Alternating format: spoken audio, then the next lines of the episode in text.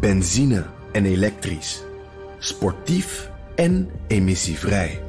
In een Audi plug-in hybride vindt u het allemaal. Ervaar de A6, Q5, Q7 en Q8 standaard met quattro vierwielaandrijving. Wat u ook zoekt, u vindt het in een Audi. Audi. Voorsprong door techniek.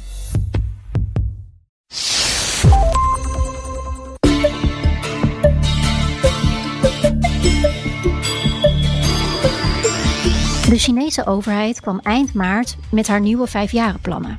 En daarin staat dat China over enkele jaren op technologisch gebied wereldleider wil worden. Er staan, uh, ik geloof, een zevental sectoren in dat vijfjarenplan waar men dat doel gaat proberen te bereiken. Dus niet langer inhalen, niet langer achterna lopen, maar echt de stap maken om uh, bij de leidersgroep te gaan behoren uh, wereldwijd. Want volgens president Xi Jinping is China op dit moment nog te afhankelijk van het buitenland, zeker op technologisch gebied.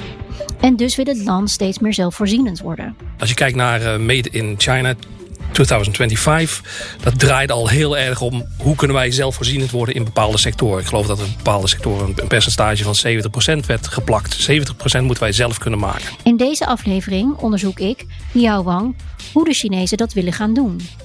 Kan China wel in een paar jaar zelfvoorzienend worden? En wat betekent dit voor de Chinese maatschappij? Dat ga je horen in deze aflevering van de China-podcast. Van mijn gasten ik ben Rogier Kremers, universitair docent aan de Universiteit Leiden in het recht en bestuur van moderne China, waar ik mij vooral bezighoud met onderzoek naar China en technologie, zowel in binnenland en buitenland. En Ed Sander. Ik ben uh, China Tech Watcher, uh, spreker en studietourleider voor Chinatalk.nl. Recent was het natuurlijk weer zover. De Communistische Partij heeft zijn meest recente vijfjarenplan uh, aangekondigd. Ed, wat moet ik me voorstellen bij de rol van zo'n vijfjarenplan voor China? Wat, hoe belangrijk is dat? Dat is heel erg belangrijk. Het is eigenlijk gewoon het, uh, het beleid voor de komende vijf jaar. Maar het is altijd een soort van uh, mijlpaal naar een nog verder doel. Dus doelen die worden vaak uh, 10, 20, 30, 40 jaar in de toekomst uh, gezet. je ziet dat regelmatig, zie je dat ook langskomen. Hè? Dus CO2-neutraal in 2060. Um, wereldleider in AI in, in 2035. Dat soort palen, eh, mijlpalen worden er eigenlijk gezet. En het vijfjarenplan is steeds voortbouwend op het laatste vijfjarenplan. Wat moeten we doen om daar te komen in de komende vijf jaar. En uh, in Europa kennen we dat soort plannen natuurlijk ook. Klimaatneutraal en al dat soort dingen. Uh, nou, dat gaat hier nog niet zo heel hard. Hoe vergelijkt dat met hoe in China de vijfjarenplannen worden gebruikt gewoon in het dagelijks leven? Nou ja, wat, wat je in ieder geval wel hebt, is dat uh, er is natuurlijk een groot verschil dat in China is het één partij. En natuurlijk heb je in die partij heb je verschillende facties met verschillende meningen. Maar het is in principe wel één partij die, uh, die de richting uitzet. En wat je veel minder hebt, uh, uh, zoals bij ons, is dat de ene keer is het een linkskabinet, de andere keer is het een restkabinet. En we gaan een beetje zwalkend gaan wij door de geschiedenis heen. En maken daardoor misschien ook wat, wat minder progressie. Terwijl China echt uh, van, van plan is om die doelen, die lange termijn doelen die ze hebben gesteld, ook echt te halen. Dus als zij zeggen dit is het vijfjarenplan, dan kan je ervan uitgaan dat de komende vijf jaar dat het ook hier ook echt over gaat. Ja, er zullen niet misschien alle doelstellingen, alle KPI's die er in het eh, plan ge, ge, genoemd worden, die zullen gehaald worden. Maar daar gaat men zich echt op richten, inderdaad. Als we dan kijken naar, want het is het centrale vijfjarenplan wat natuurlijk bekend is gemaakt. Uh, als je daar vanuit technologisch oogpunt naar kijkt, Rogier, wat, wat zijn dan de dingen die je opvallen?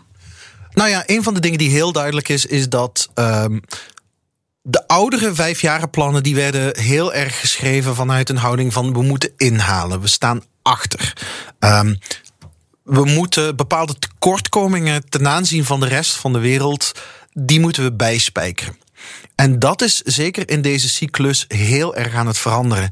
Waar het gaat van wij lopen achter, dus we moeten inhalen, naar de internationale situatie is veranderd. We zijn aan de ene kant in een uh, heel spannende situatie, waarin dat er hoe langer hoe meer spanningen zijn tussen grootmachten, met name tussen Washington en Beijing. Tegelijkertijd zijn we nu op een soort van springplankpositie gekomen, hè, wat Xi Jinping dan zo mooi noemt, omstandigheden die we al een eeuw niet hebben gezien. En een periode van strategische opportuniteit um, om een grote sprong naar voren te maken, waarin we ineens leidend zullen zijn. 中华民族伟大复兴，辛勤耕耘，勇往直前，在新时代创造新的历史辉煌。 En dat is echt een hele grote verandering. En er staan, uh, ik geloof, een zevental sectoren in dat vijfjarenplan. waar men dat doel gaat proberen te bereiken. Dus niet langer inhalen, niet langer achterna lopen, maar echt de stap maken om uh, bij de leidersgroep te gaan behoren uh, wereldwijd. China wil dus en wereldleider worden op technologisch gebied en meer zelfvoorzienend. Wat eigenlijk er gebeurd is de afgelopen paar jaar, is dat uh, met name onder het beleid van Trump natuurlijk heel erg duidelijk is geworden hoe afhankelijk China is van een hele hoop sectoren, van, van buitenlandse leveranciers. Um, en daar, dat willen ze eigenlijk, daar willen ze vanaf. Um, als je kijkt naar uh, Made in China 2025. Dat draait al heel erg om hoe kunnen wij zelfvoorzienend worden in bepaalde sectoren. Ik geloof dat er bepaalde sectoren een percentage van 70% werd geplakt. 70% moeten wij zelf kunnen maken. Dus ook als je kijkt inderdaad naar de nieuwe plannen. Dan wordt er gesproken over dual circulation. Maar dat gaat er nog steeds over dat ze zelfvoorzienend willen worden uh, binnen het eigen land. En bijvoorbeeld uh, wat er is gebeurd op het gebied van halfgeleiders is daar een heel mooi voorbeeld van. Ze hebben heel hard hebben ze gevoeld hoe afhankelijk ze zijn van het buitenland. En dan wordt het beleid er volop gezet dat, uh, dat ze dat zelf moeten kunnen doen in de toekomst. Ja, want dat werd natuurlijk geleverd met name vanuit Taiwan en Amerika. En Amerika heeft natuurlijk gezegd zowel Amerika als Taiwan mag niet meer aan China leveren. En toen, toen had China een heel groot probleem. Um, hoe, hoe, hoe gaan ze dit oplossen? Het probleem is eigenlijk dat Amerika heeft gezegd van je mag bepaalde bedrijven mag je geen chips meer leveren. Uh, dat zijn bedrijven als Huawei, maar er zijn ook bedrijven die wij op een zwarte lijst hebben staan, omdat die leveren of samenwerken met, uh, met defensie, met uh, de, de militaire sector in China. We've not changed on Huawei. We're not allowing Huawei into our country. We're not changed on that. We can do business for non-security things with Huawei because that's, you know, we'll do that. But anything having to do with national security, we're not dealing with Huawei. Wat er dan gebeurt, is je kunt eigenlijk de meest geavanceerde, nieuwste chips kun je niet maken zonder hardware, machines en software van Amerikaanse bodem. En Amerika die heeft het recht om dan te zeggen van, jij mag de producten die gemaakt worden met deze hard- en software, mag je niet leveren aan deze partijen in China. Dat is eigenlijk wat er, wat er uh, gebeurd is. En dan dat doet het er eigenlijk ook niet zo gek veel toe waar die fabriek dan staat. Die staat dan toevallig in Taiwan. Dat is eigenlijk volgens mij niet zo he heel erg relevant.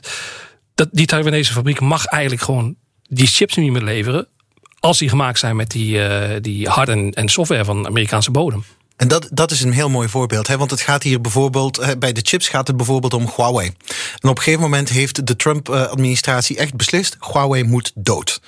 Um, nou, het punt is dus niet dat Huawei helemaal geen chips meer kan kopen, maar dat Huawei de meest geavanceerde chips niet meer kan kopen. En dat is wel een groot verschil. Want die geavanceerde chips die zijn ook kleiner, worden vaak met 5 nanometer processen gemaakt. Is echt verschrikkelijk gecompliceerd om dat te doen. Er is maar één bedrijf ter wereld op dit moment dat dat kan, überhaupt. Dat is TSMC uit Taiwan. Um, hoe kleiner een chip wordt, hoe efficiënter dat die kan lopen. Dus hoe minder energie die nodig heeft, hoe minder warmte die produceert. En dat is natuurlijk heel erg van belang voor uh, mobiele technologie. Met andere woorden, het zou wel eens zo kunnen zijn dat Huawei op een gegeven moment niet langer competitief is als bouwer van smartphones. En dus werd in het laatste vijfjarenplan plotseling gesproken over dual circulation. Dat betekent dat buitenlandse investeringen en technologie welkom blijven, maar de hoofdfocus van China de binnenlandse markt wordt. Met andere woorden, China wil dus zelf chips en dergelijke gaan maken. Maar gaat dat wel lukken? Ik vraag het Ed. Het gaat wel lukken. De vraag is alleen op welke termijn. Um, kijk, dit is echt een, een, een, belangrijk speerpunt geworden. Wij moeten die chips zelf kunnen maken. Daar wordt gigantisch veel in geïnvesteerd. Uh, daar worden heel veel, ook op, door lokale overheden, wordt er in allerlei uh, start-ups wordt er, uh, geld gestoken. Wat vaak ook misgaat. Er is een, een verhaal van Hongxin, um, een bedrijf in, in Wuhan. Daar is heel veel, iets van 300 miljoen is daarin geïnvesteerd. En dat, dat is een leegstaand pand. Dat is helemaal misgegaan. De persoon die dat bedrijf startte had, was niet gehinderd door enige kennis over halfgeleiders en, en chips en dergelijke. En blijkbaar ook niet door enig gebrek aan budget. nee, die, omdat die, die had de overheid, de lokale overheid, over kunnen halen om dat geld te geven. In eerste instantie omdat hij samenwerkte met een expert op het gebied van halfgeleiders. Die op een gegeven moment gillend de tent heeft verlaten, want hij vond het vreselijk, het project. En dan blijft zo'n eh, bedrijf achter als, als lege schil. Dus uh, er wordt heel veel geld ingestoken, maar tegelijkertijd is het gevaar ook dat er een soort van nieuwe grote sprong voorwaarts ontstaat. Waarbij de mensen dan niet uh, metaal aan het omsmelten zijn in hun achtertuintjes. Maar dat er te veel uh, budget naar inefficiënte, niet succesvol uh, volle projecten gestuurd wordt. De vraag is op een gegeven moment ook: is dat nodig? Hè? Wat je natuurlijk altijd ziet is. Bij elke vorm van technologie bereik je een punt dat om nog verder te komen, je heel veel moet investeren voor eigenlijk heel weinig return. En dan krijg je dus hè, waar, je, waar je je verschuift van, van een innovatiegedreven sector waar je heel veel winst kunt maken, naar een commodity sector waar je eigenlijk, uh, waar je eigenlijk uh, bijna op een, op een nulmarge werkt. Kijk, kijk naar sportwagens. Um, intussen zijn we met z'n allen tot de conclusie gekomen van, ja, je kunt nog wel 100 pk meer in een auto stoppen, maar dan gaat hij 0,1 seconde sneller van 0 naar 100 en je mag sowieso niet sneller dan 100 in Nederland. Um, dus ja, waarom zouden we nog? En je ziet dat ook op, uh, je zult dat ook zien op een gegeven moment binnen de chipassemblage. We zijn van 13 naar 10 naar 5 nanometer gegaan. TSMC heeft nu aangekondigd om naar 2 nanometer te gaan, maar op een gegeven moment zijn de nanometers op.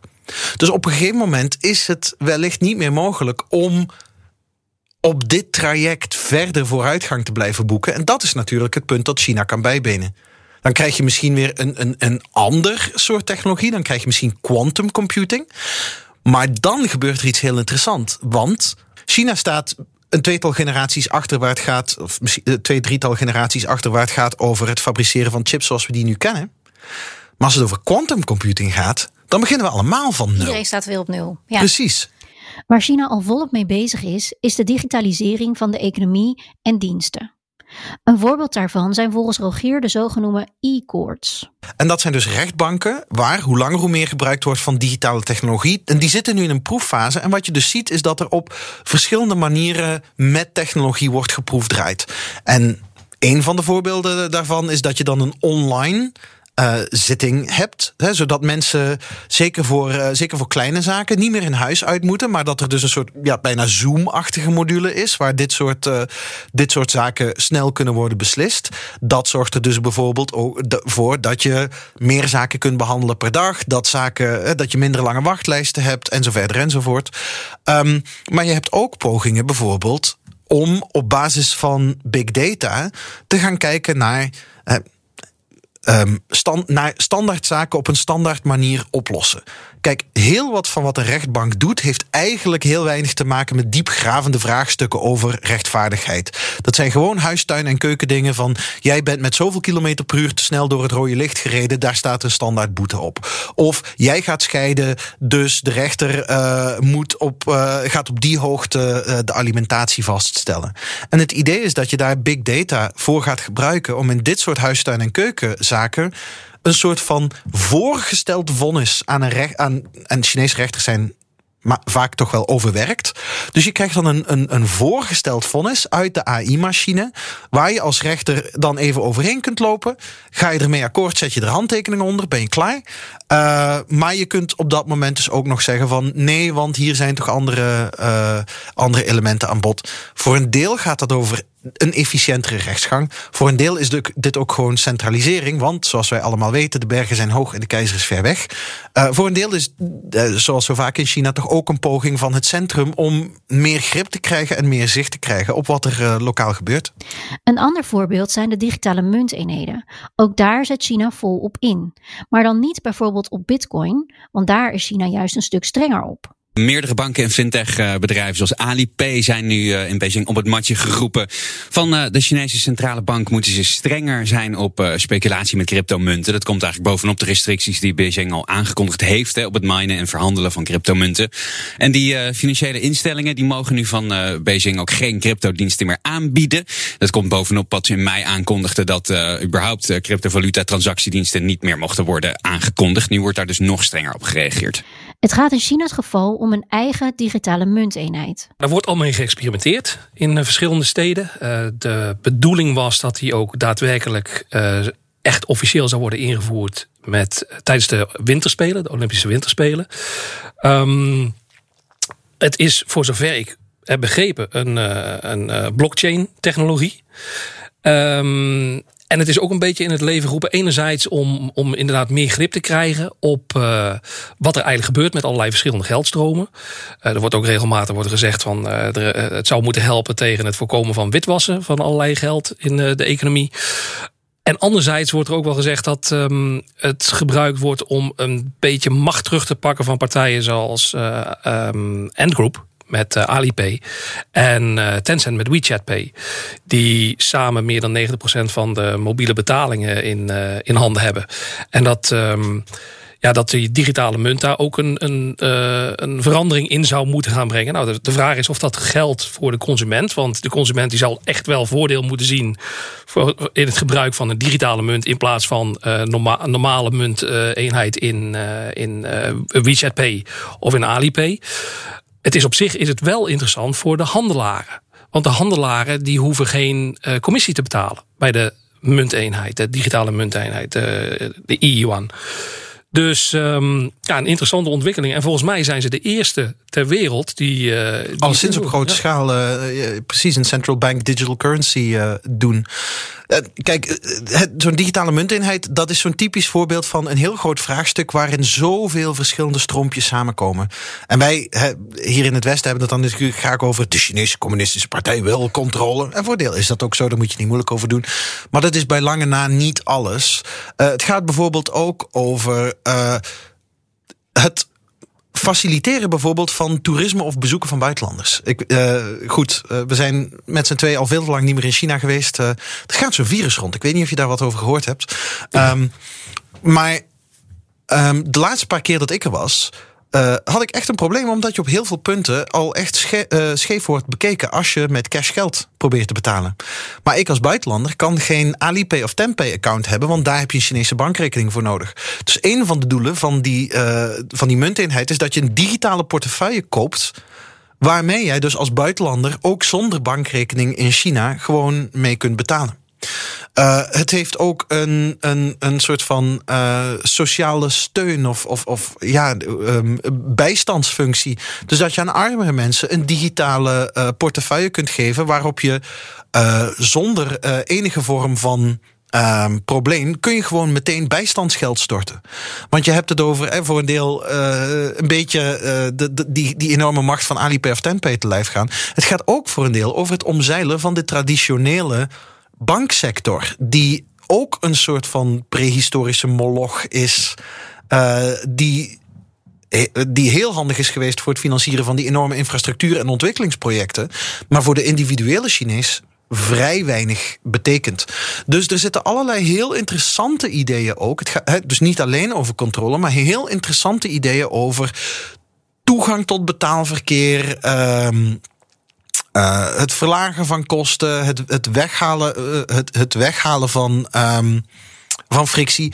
Maar zoals je zegt, ook he, het bestrijden van uh, drugsgerelateerde betalingen bijvoorbeeld. Ja, omdat met zo'n digitale munteenheid alles traceerbaar wordt. In principe wel. En in hoeverre heeft uh, het, het invoeren of het experimenteren met die digitale yuan ook uh, te maken, of hangt het samen met de crackdown op Bitcoin die ze hebben gedaan? Dat is voor een deel inderdaad wel verbonden, maar dat heeft ook nog uh, met andere dingen te maken. Uh, daarbij nog even toevoegen. Um, een van de redenen dat China zo ver voor ligt met die centrale, met die digitale munteenheid, is wij hebben die digitale munteenheid al. Eigenlijk voor een groot deel in termen van functionaliteit. Die heet Pinpas. Uh, voor een heel groot deel is het geld dat wij gebruiken, is al een digitale euro. En heel wat van Omdat iedereen een bankrekening heeft en Precies. een creditcard, et cetera. Wat in China natuurlijk niet het geval is. Precies. En, en heel wat van, uh, van, van wat China wil doen, gebeurt hier ook al. Moet jij eens proberen om een grote betaling te doen uh, van de ene bankrekening naar de andere? Ik bedoel, wij normale mensen doen zelden transacties van meer dan 10.000 euro, ga ik vanuit. Um, maar als je dat dus op regelmatige basis doet, kun je er donder op zeggen dat je heel snel uh, de fraudebestrijding uh, ter controle krijgt. Um, dus dingen die China wil doen, die doen wij vaak al. Um, het probleem met Bitcoin, opnieuw, het, ook weer zo'n ding waar verschillende stromen bij elkaar komen. Eén, energieverbruik. China wil heel snel vergroenen. Um, natuurlijk een van de meest luchtvervuilde uh, landen ter wereld. Luchtvervuiling is typisch zo'n ding waar uh, goed betaalde stedelingen over gaan klagen. Want het is vaak de, uh, in de steden dat de, de grootste vervuiling heerst.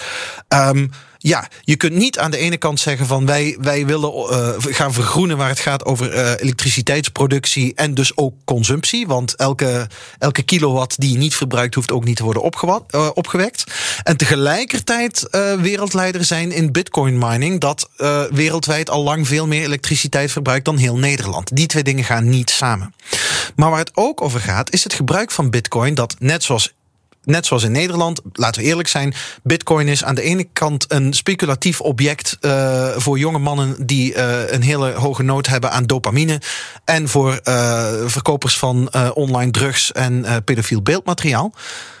in China is het dat ook. En is het ook een vehikel voor corrupte ambtenaren en individuen om geld het land uit te krijgen. Dat is natuurlijk iets wat de Communistische Partij niet zo leuk vindt. Ten derde opnieuw, het is een Leninistische partij. Die heeft graag een monopolie over alle politiek relevante beslissingen. Bitcoin is iets waar ze geen controle over hebben, dus dat gaan wij niet doen. Hebben ze de ambitie om uh, de digitale yuan een, een globale digitale munteenheid te maken? Dat zeggen ze soms wel en ze hebben het over internationalisering. En het zou zomaar eens kunnen dat die digitale yuan of technologie gebaseerd daarop mogelijk in samenwerking met uh, lokale banken of centrale banken bijvoorbeeld een rol kan gaan spelen in een aantal Afrikaanse landen die ook. Uh, hele nauwe banden zoeken met China voor de ontwikkeling van hun eigen digitale sector. Ethiopië zou dat kunnen zijn, Rwanda zou dat kunnen zijn. Um, maar dan heb je het eigenlijk relatief gesproken over peanuts. Um, waar we het eigenlijk over hebben al uh, bij de internationalisering van de UN is uiteindelijk de vrije inwisselbaarheid van de UN. En dan heb je het over kapitaal-exportcontroles en wisselkoerscontroles. En dat zijn twee economische hefbomen die van kernbelang zijn voor de Chinese overheid om uh, monetaire fiscale stabiliteit te bewaren. En waarvan ik niet verwacht dat ze die ooit. Kijk, op het moment op het moment dat jij gaat zeggen: onze munteenheid is vrij verhandelbaar en vrij inwisselbaar, dan ben je die controle volledig kwijt. En ik denk niet dat dat een stap is die de Chinese overheid uh, ooit zal kunnen, laat staan willen nemen. En als we even. Uh uitzoomen dan, en je kijkt naar de, de grote techbedrijven van de afgelopen jaren, die komen toch uit entertainment, gaming, social en, en services, taxis, maaltijdbezorging, et cetera. Als je kijkt naar dat vijfjarenplan, wat, wat mij bijvoorbeeld heel erg opviel, is dat het ineens heel erg gaat over de kwaliteit van leven. Dus GDP-growth is eruit. Dat is natuurlijk sowieso al heel erg bijzonder voor China. En het ging over uh, bevolkingsgroei, vergroening, uh, vermindering van de ongelijkheid. Wat verwachten jullie, zeg maar, kijkend naar dat vijfjarenplan en de impact die dat typisch heeft van de nieuwe techbedrijven die er gaan ontstaan? Of, of waar de nieuwe tech-successen, hoe die eruit gaan zien? Dat langzaam afstand nemen van, van GDP-growth, dat speelde al een tijdje. Dat, volgens mij het vorige uh, vijfjarenplan was er ook al gezegd van... nou, als die rond de, de, de 6%, 7% ligt, dat vinden we eigenlijk wel prima. Want die double-digit growth, die kan niet meer. Dat, uh, alle nadelige gevolgen daarvan voor uh, het milieu en dergelijke... dat, dat, dat moeten we niet meer willen. Um, dat zit, daar zit ook dat stuk leefbaarheid natuurlijk in. Dat je gewoon mensen gewoon schone lucht wil, wil geven. daarnaast wat je ziet gebeuren is dat een aantal excessen in techbedrijven nu ook worden aangepakt. Waarbij ze zien van, oh wacht even, die maaltijdbezorgers en die Didi-chauffeurs, die krijgen gewoon slecht betaald.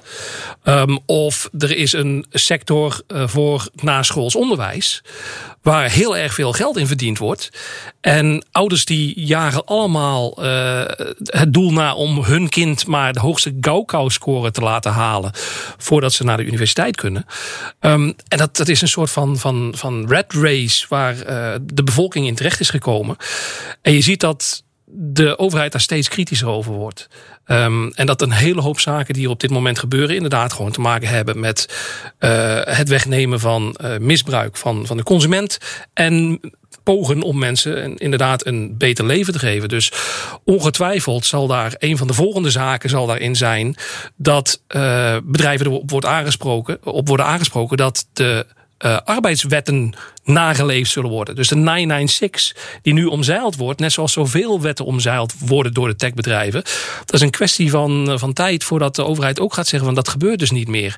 En het feit dat je een aantal van die techbedrijven, net zoals ByteDance, Quaisho en dergelijke, al stappen ziet ondernemen om daar langzaam afscheid van te nemen, betekent waarschijnlijk dat ze achter de schermen het verzoek al gehad hebben. En als we dan even teruggaan naar de technologische hoek daarvan. Hè, dus de afgelopen jaren zijn er ontwikkelingen geweest op het gebied van e-commerce, op het gebied van payments, op het gebied van nou ja, al die dingen die denk ik bijdragen aan, aan GDP.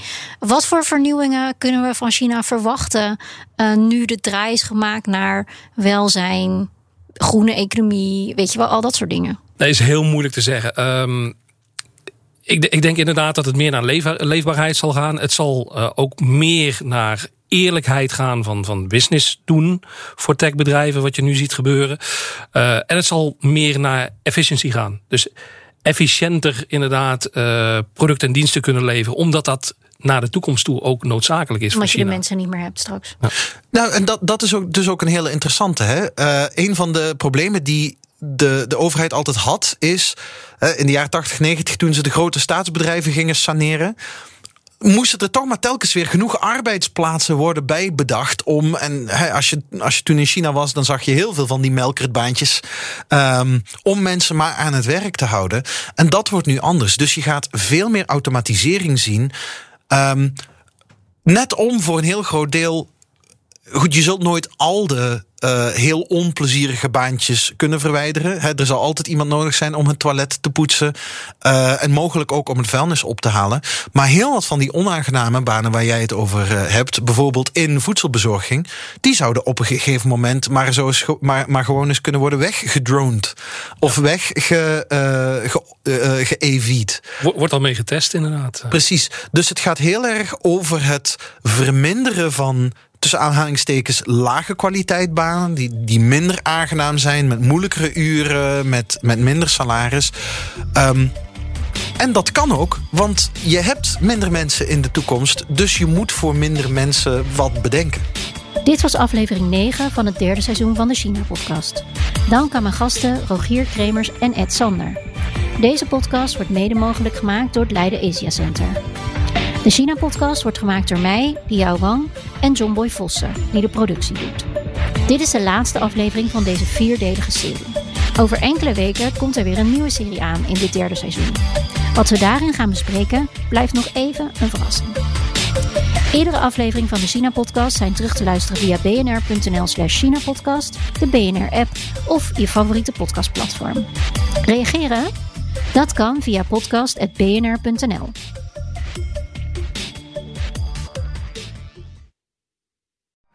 Benzine en elektrisch.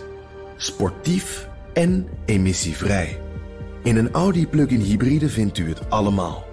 Ervaar de A6, Q5, Q7 en Q8 standaard met quattro vierwielaandrijving. Wat u ook zoekt, u vindt het in een Audi. Audi. Voorsprong door techniek.